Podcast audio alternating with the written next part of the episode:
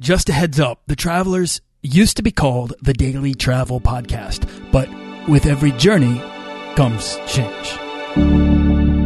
This podcast is produced by Holocene, a community of creative travelers. If you want to get serious about planning that next trip, writing that book, starting that creative project, or launching that business, we're breaking down the barriers between where you are where you want to be together at joinholocene.com. That's join, H O L O C E N E.com. Today we're talking about location independent entrepreneurship and Saigon with Jon Myers. Do you want to travel further and more often to visit new places and meet new people and expand the role that travel plays in your life?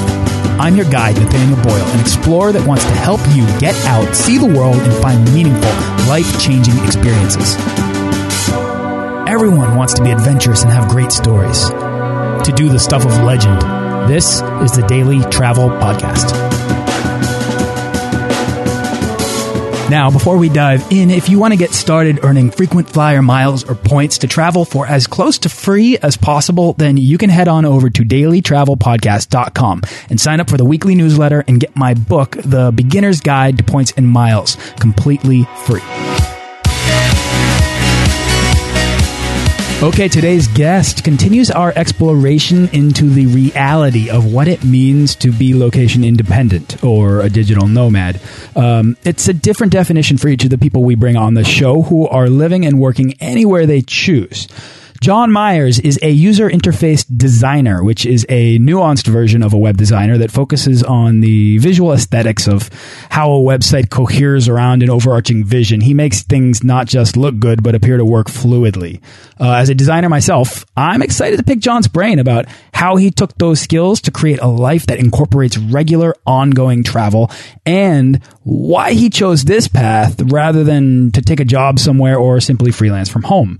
Uh, Jon's also a believer in what he is doing is something bigger than himself, something bigger at play, an opportunity for you to become a part of a changing landscape of possibility with regards to work and life. And I kind of want to just get his, oh, you know, his philosophy on that. So, Jon Myers, welcome to the Daily Travel Podcast. Uh, thanks, Nathaniel. Uh, wow, what an awesome introduction. Oh, thank you. Yeah, it's good stuff. I'd like to get you guys amped up before we start. So, Jon, let's definitely try to have some fun today. Where are you right now, man?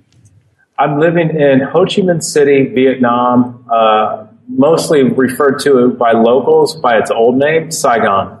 Now, would you qualify Saigon as home? Uh, yeah, for now. I signed a lease on a place, so I'm losing my nomad card quickly here. It's it's uh, Saigon's got its clutches on you then, huh? Yeah, I really like it here. Uh, my life is really well optimized. Um, you know, from the moment I wake up to the moment I start working, go to the gym, uh, just all the things I don't like doing back in North America uh, happen with uh, what appears to be the wave of, of a wand here. Yeah, it's very different. Yeah. All right. So I, have heard that before, and and we're definitely going to kind of explore that a little bit. But you know, I gave a, brief overview, but if you could just tell us about yourself, who you are, and how you got started traveling. Wow. So uh, first of all, uh, I, I uh, more of an entrepreneur. Uh, I've been starting my own businesses now for about over twenty years. Uh, I got started, I guess, as a quote nomad uh, almost 20 years ago, so I'm an old timer. Uh, started in Taipei, Taiwan, uh, got bit by the bug, and was like, you know, how do I kind of keep this thing going? I never wanted to come home, and so I knew that I wanted to work in digital, that I didn't want to be attached to a physical location, and um, I have a huge passion for design and particularly interaction design. So um, it all just started to sort of segue. I've, I've never actually had a real job. interaction design is only something that that's just growing. I mean, the I feel like the opportunities to apply a skill set as uh, specific and in demand as interaction design is only going to carry you further in the coming years. Yeah, I think so. I think part of it is because you know now the the sort of general public has an expectation that their things should be well designed, aesthetically pleasing, and easy to use. Um, you know, like for example, if you launched Craigslist today, there's no way that would be successful. There's just no way. um, they have a network effect that uh, it sort of keeps them in their place, you know. But if you launch something that looked like that, you would not succeed. it's true. Well, but that's why so many, I think so, so many people are able to derive ideas from the simple services that are being provided on Craigslist. You almost, you can almost go on Craigslist and see what people are selling, see what people are providing and use that as your business idea. Just create your own well designed, uh, better interface. And uh, yeah, I think I think uh, well, and I think one of the best examples, you know, to to go off on a slight tangent would be like Airbnb. So Airbnb, you know, Perfect. sort of, you know, took a slice of Craigslist, you know, the uh, temporary housing listings, right? And they just totally innovated on that paradigm, created a marketplace and a beautiful interface and trust uh, to facilitate that. Exactly. That's a that's a great that's a great example because of of exactly what I mean by the sort of thing that's already happening on Craigslist being done independently. Total perfect example and travel related. So I appreciate that. Yeah, uh, exactly. Sweet, Jon. You mentioned that you knew that you didn't want to be locked into one place. Um, what does that mean? Why why why did you know that? What what what was it about yourself uh, leading up to the point where you made the decision to move uh, out of the country? Why did you why did you approach digital nomadism as your calling? Um, I think for me, um, I've just always had an insane curiosity about the world. So uh, travel and putting myself in uncomfortable situations was a way to sati satiate that, uh, you know, appetite, um, you know, for constant change. Um, and the other thing I think is it's good to distribute your network and your risk uh, as an individual, especially if you're working for yourself. Um, you know, I can't predict the future. I have no idea what's going to happen, but I like having a distributed network all over the world now, contacts um, related to you know travel and introductions and, and business uh, that I have. So I can drop into South America and kind of figure out my way pretty quick. I can drop into East Asia, Southeast Asia, Mexico, and so on. Um, so I like having that risk of, of my network distributed in that way. I like that. Now, is that because you're a part of entrepreneurial networks in these different countries? Yeah, that would be correct. So, you know, it's, it's, that part of it's been pretty incredible. And, um, I always think, you know, it, you know, whoever's on top now probably won't be on top 10, 20 years from now. So it's, it's good to place a lot of bets. So, at what age did you get started traveling? I'm trying to dig into you into you here and trying to figure out why you're curious now. What is it about you? Because I mean, maybe we're all maybe we're all born curious, but for a lot of us, it almost it needs to be fed initially. It needs to be activated or catalyzed, or our imagination needs to be cultivated by this like initial trip, this one taste of what travel has to offer, and its reward that leaves you wanting more. And I'm guessing this did this happen to you early on? Yeah, I think so. It was probably uh, the Karate Kid Part Two uh, when Daniel San goes to Okinawa. I, uh, uh, you know, it's so. You know, for me as a kid, I was really into martial arts and sort of like Asian culture and that yeah. sort of thing. Yeah. I remember seeing that movie and I was like, "Wow, okay, yeah, that's a different, that's a different way to do that." Um, and so that movie probably sparked something. I'm sure. You know, still refer to it. Cinema, cinema, like travel, can dutifully port the mind in a, in, in similar ways. So I, I, yeah. I'm right there with you, man. It's like when you see somebody in a movie eating something, and immediately you're like, I want to eat that, and and it becomes this like desire that you need to go and satisfy. What inspired the decision, the actual decision to leave and work in these in, in the places in which you are at now? It were you at all unhappy with with where you were, and have you found, you know, happiness where you've gone, or is it not as simple as that? Probably not as simple as that. Uh, generally, I'm a pretty happy guy. Like I'm pretty, I guess, mentally stable. Like, uh, so I'm, I'm not one of these guys that sort of like mope around and whatever. I'll just kind of try to make the best of wherever I'm at. Um, I had a great life back in New York City. have great friends there. Um, but I just kind of, I, I, was more of a wanderer. I was just never satisfied uh, wherever I was at. Um, I've done the startup thing. I've raised professional money for one of my startups, exited that startup. Um, and, you know, I could stay in New York or go over to San Francisco and, and, and really play the game uh, based on that experience. Um, but just wasn't for me. So you really couldn't ignore that that call to adventure, but also that desire to kind of uh, have more control. It sounds like over your lifestyle and over the ways in which you spend your time on a day to day basis. Yeah, and so so let me tell you about Saigon and and why Saigon. So you know, so, this is a really special place, and so I, I came here initially on a visa run uh, years ago uh, from Thailand, and I, I've never I'm not a huge Thailand guy. I just didn't care for it that much, to be honest. Um, and I came here on a visa run and I was like, wow, why are people talking about Saigon? Like the architecture is beautiful. It's got a tight sort of like urban footprint. There is some sophistication, some of the old world stuff.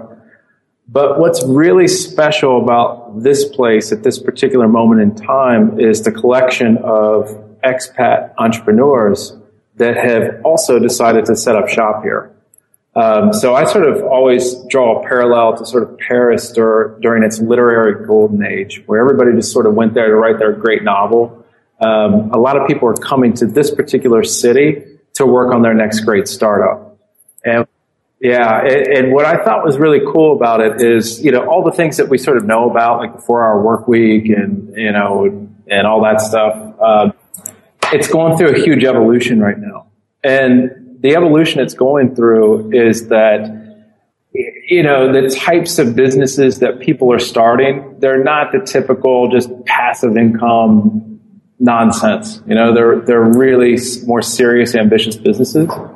And they sort of resemble startups that only they're not looking to raise capital. Uh, they're much more aggressive plays. And that's happening here in saigon. And i was like i, I got to be a part of this because you know, five years from now, it's not going to be like this. There's no way. It just happens to be the circumstances that it exist right now. Are, are these companies kind of resembling startups that aren't trying to raise capital? Is that because they don't need to uh, sell equity in order to grow because their costs are so much lower and they can they can pour more of their revenue into their growth on their own? Exactly. So, the, you know, this is a great place to bootstrap, hire talent. Um, you know, for example, I'm working on a, another startup right now and you know we can get a full-time Rails developer, and I'm paying like uh, quite a bit above local wage here. It, it, might sound like a lot to some people, it's not, but for a Rails developer that's an expert, we're paying twenty dollars an hour, and they're really good.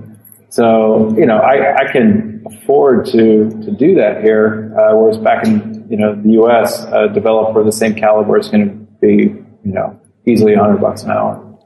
So you're a UI designer, but you're also an entrepreneur, and it sounds as if your your entrepreneurial activities are not as simple as uh, you're taking your skills and applying them in, as a service or as a scalable service. You're actually getting involved with other people's businesses and helping them grow.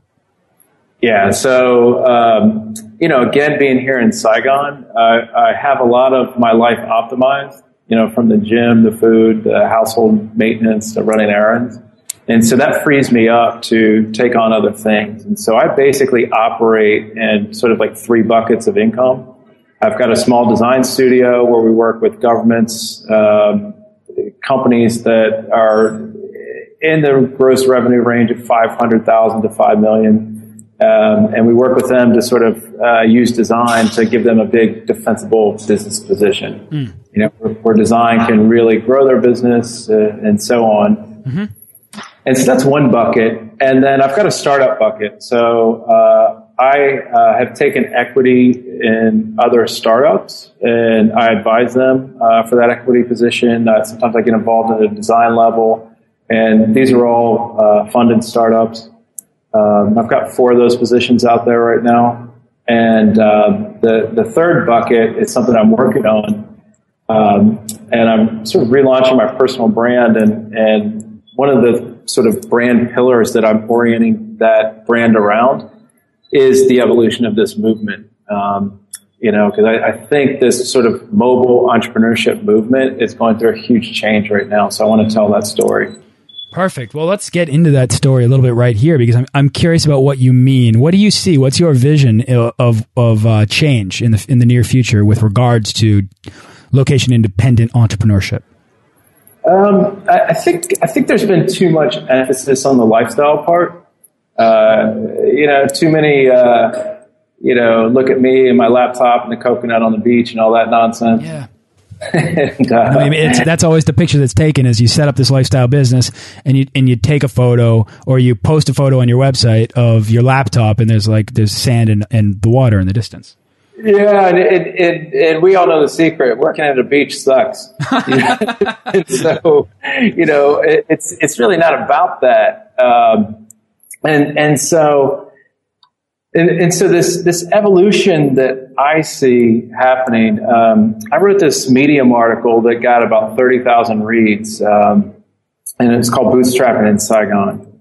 And just from that little Medium article, I, what tipped me off to the evolution of this movement was the type and caliber of people that were reaching out to me based on that article.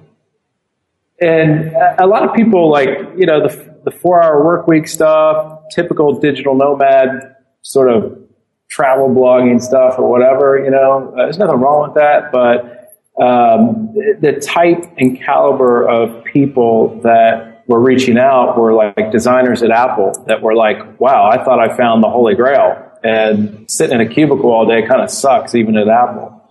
And I want to do something different. My vision is much more ambitious.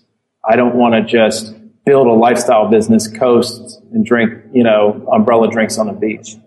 Um, it's not about that. And so uh, that that type of person, uh, the typical stuff that's out there doesn't really speak to them.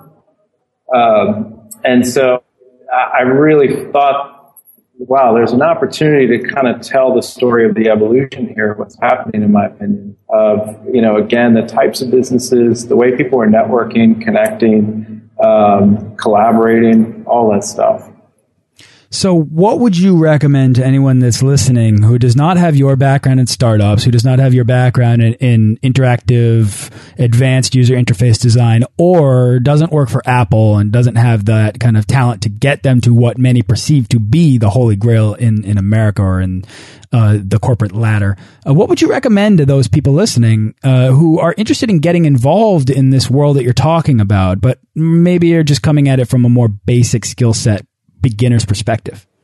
Um, I, I, think any any so you know the majority of people are going to start in a service based business that's just the lowest barrier to entry. Um, it also means there's more competition there. Um, but the number one thing in any service business is to get your service as closely linked to revenue as possible. So if you want to make real money, you can't be the designer behind the magic curtain and expect someone to pay you a hefty fee because they will not be able to make a correlation to revenue of, of your service. Same holds true for copywriters, uh, content marketers, uh, whatever service. So your, your, your skill, your service won't be respected if you're not close to revenue, which means, you know, when you're starting out, you really have to get your head around the business side of what you're doing. Whatever skill you're providing, service you're providing, and you've got to get it close to revenue. That's really the number one thing uh, between people that make real money and people that you know are just coasting. Sure, between uh, like a writer or an illustrator or a photographer, identifying the ways in which you can take those skills and you can, well, as you say, correlate them to revenue. Uh, whether that's just simply pointing to an increase in, let's say you're a photographer and you recognize that web articles get shared more often when they have photos and then being able to point your work towards an increase in shares and in, yep. in impressions and then tying that overall to the, the, the, any improvements in revenue there that would be how to take a photography skill set and apply it to a digital nomad type business for lack of a better term right there yeah, and I, and I, think also too, like when you're younger and starting out, there's a tendency to to overemphasize and be very verbose about the technique versus the results and sort of like the business case that you're addressing for whatever it is that you're providing. So, you know, I notice a lot of younger people that are starting out, you know, they'll just go on and on about their technique and, eh, or whatever it is they're delivering. If they're a designer, they'll go on and on about design and, and, you know, all the merits of it. And when you're talking to a business owner, they don't, they, they don't, they could care less. You know, they've just, they know they might need something and they might not know why. And it's up to you to really kind of tee it up to the business case that you're addressing. And if you can do that, you'll be much more successful in landing business and getting more money for the services you're providing. That's great advice. As a designer myself and somebody who has had to close contracts and understands what business owners are looking for when you're dealing with them, Jon, that's kind of hitting hitting the nail on the head because you're not selling you like as a designer, you're not selling design to people. You're selling a solution to their problem. And their problem isn't design. Their problem is probably that they're not making enough money or that they are aren't impressing people or people are walking away. I mean, usually it's probably just coming down to sales for them. So what you're doing is you're solving that specific problem that's not uh, that, that's directly tied to the a fundamental flaw in their business. Um, yeah, design tends to be your solution. Yeah, exactly. And so anybody getting involved in sort of like starting out, you know, um, you know, again, because you'll probably be doing a service thing, you might be able to build a product. Building product is really tough, um, but really getting good at business breakdowns and the strategy side of it and linking that up to, and, and trying to envision uh, the business results that whatever it is that you're providing can create. That's the secret sauce, in my opinion. All right. So, uh, you know, for anyone listening then, and because you were talking about there being too much uh, emphasis on lifestyle, um, what's your personal personal definition of location independence then? Um, I, I, think it's having the ability to move anywhere you, you want when you want. You know, that's that's really the um, the secret. But I think a lot of people make the mistake of being uh, location arbitrary versus location independent. Interesting. Can and, you explain and, that distinguish the, the distinction? So location arbitrary just means there's absolutely really no business case or reason that's tied to your location you know, like you have to have a business reason uh, for being somewhere. You have to at least search for it or try to link it up with something, you know. And and I, am a city guy. I think you know if you really want to make stuff happen, you've got to be in a city around other people. You can't sort of like be at the beach by yourself around a bunch of vacationers and expect to build a successful business. It just won't happen. Um, and so I think being sort of location relevant is a huge piece of location independence. You know, if you, especially if you want to keep that position. I get questions from listeners a lot who can't fathom the idea of cutting ties emotionally with all of their stuff and their friendships and their relationships and all of the stuff back home that matters, but they really do want to explore these lifestyles. How difficult was it for you to leave, for you to actually become location independent and cut ties with your home? Um, you know, I I don't really view things that way as like cutting ties. Mm-hmm.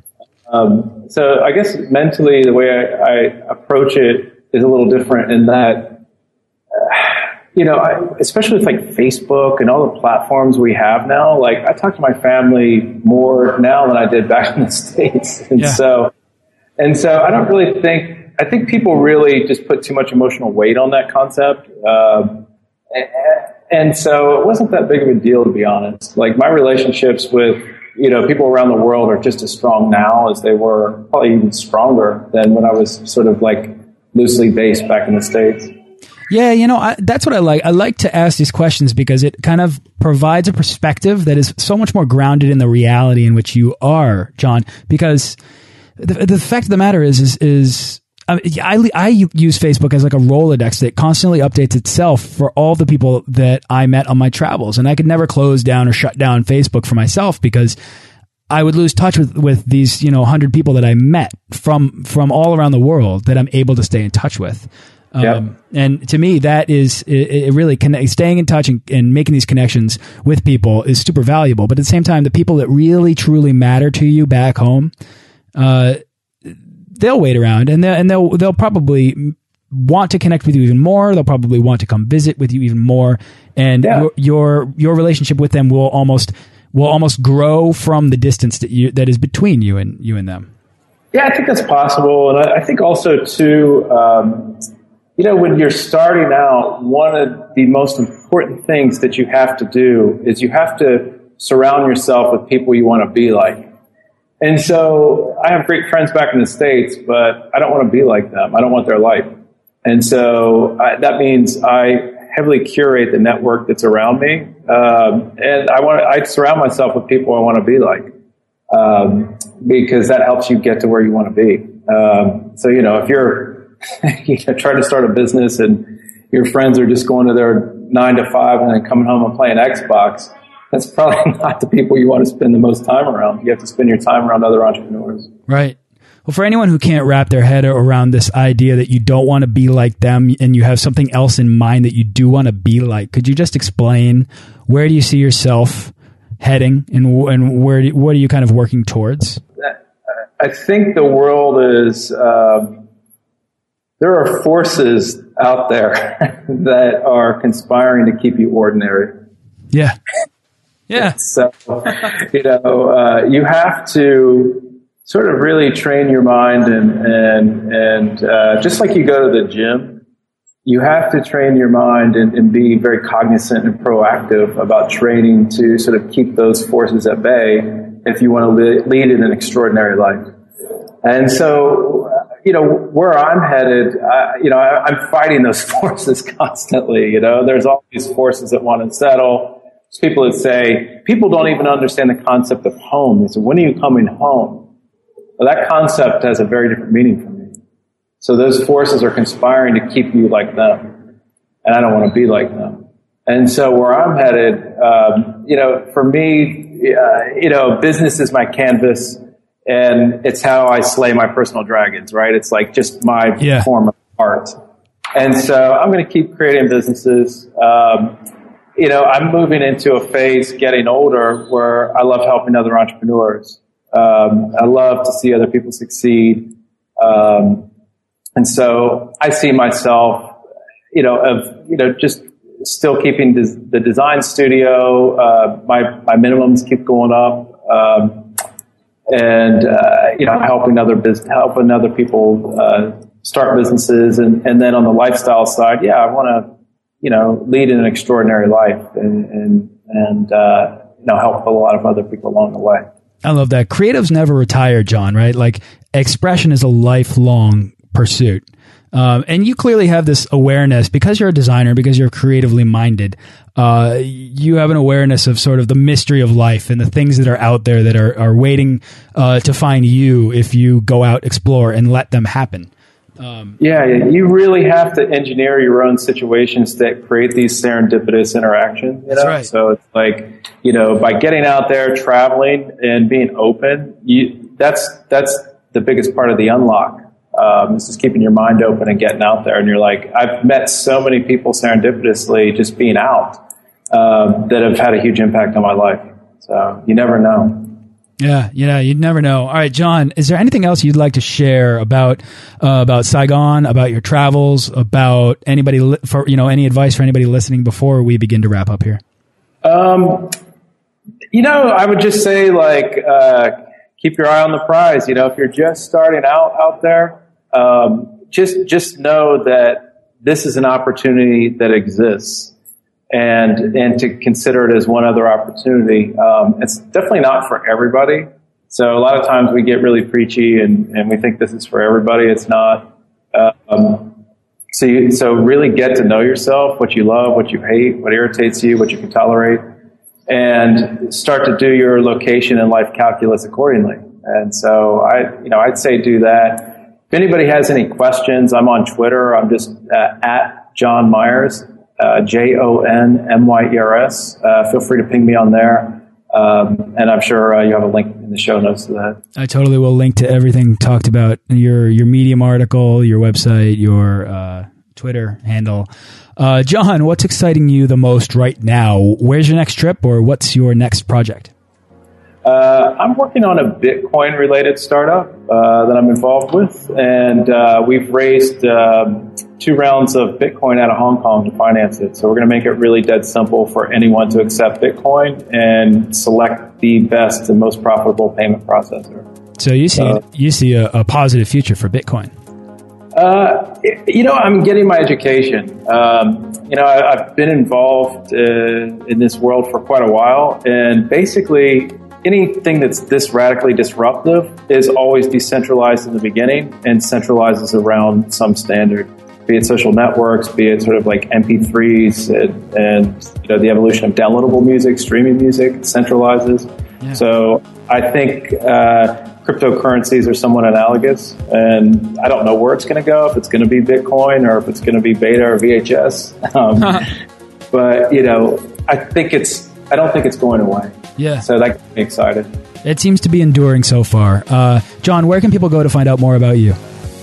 Uh, JonMyers.com. I'm actually getting ready to relaunch that site here. So hopefully by the time this airs, uh, I'll have the new site up and I'll have the first story uh, on there, which will be uh, about this movement. I'm calling the evolution of this movement the Earth on Fire, which Oh, means cool. the old scripts are burning and people are writing their own scripts. Oh, I love it. I love that. That's so cool. All right, man. Thank you so much for taking your time to come on the show. Uh, this has been pretty cool to just kind of explore the startup culture of Saigon, life in Saigon, and uh, uh, the future, according to Jon Myers. All right. Appreciate it. Thanks for listening to this episode of the Daily Travel Podcast. For show notes and links to everything in this episode and more, head on over to dailytravelpodcast.com. Join our Facebook page of explorers and subscribe to our newsletter for the best deals and resources to help make your next trip life changing.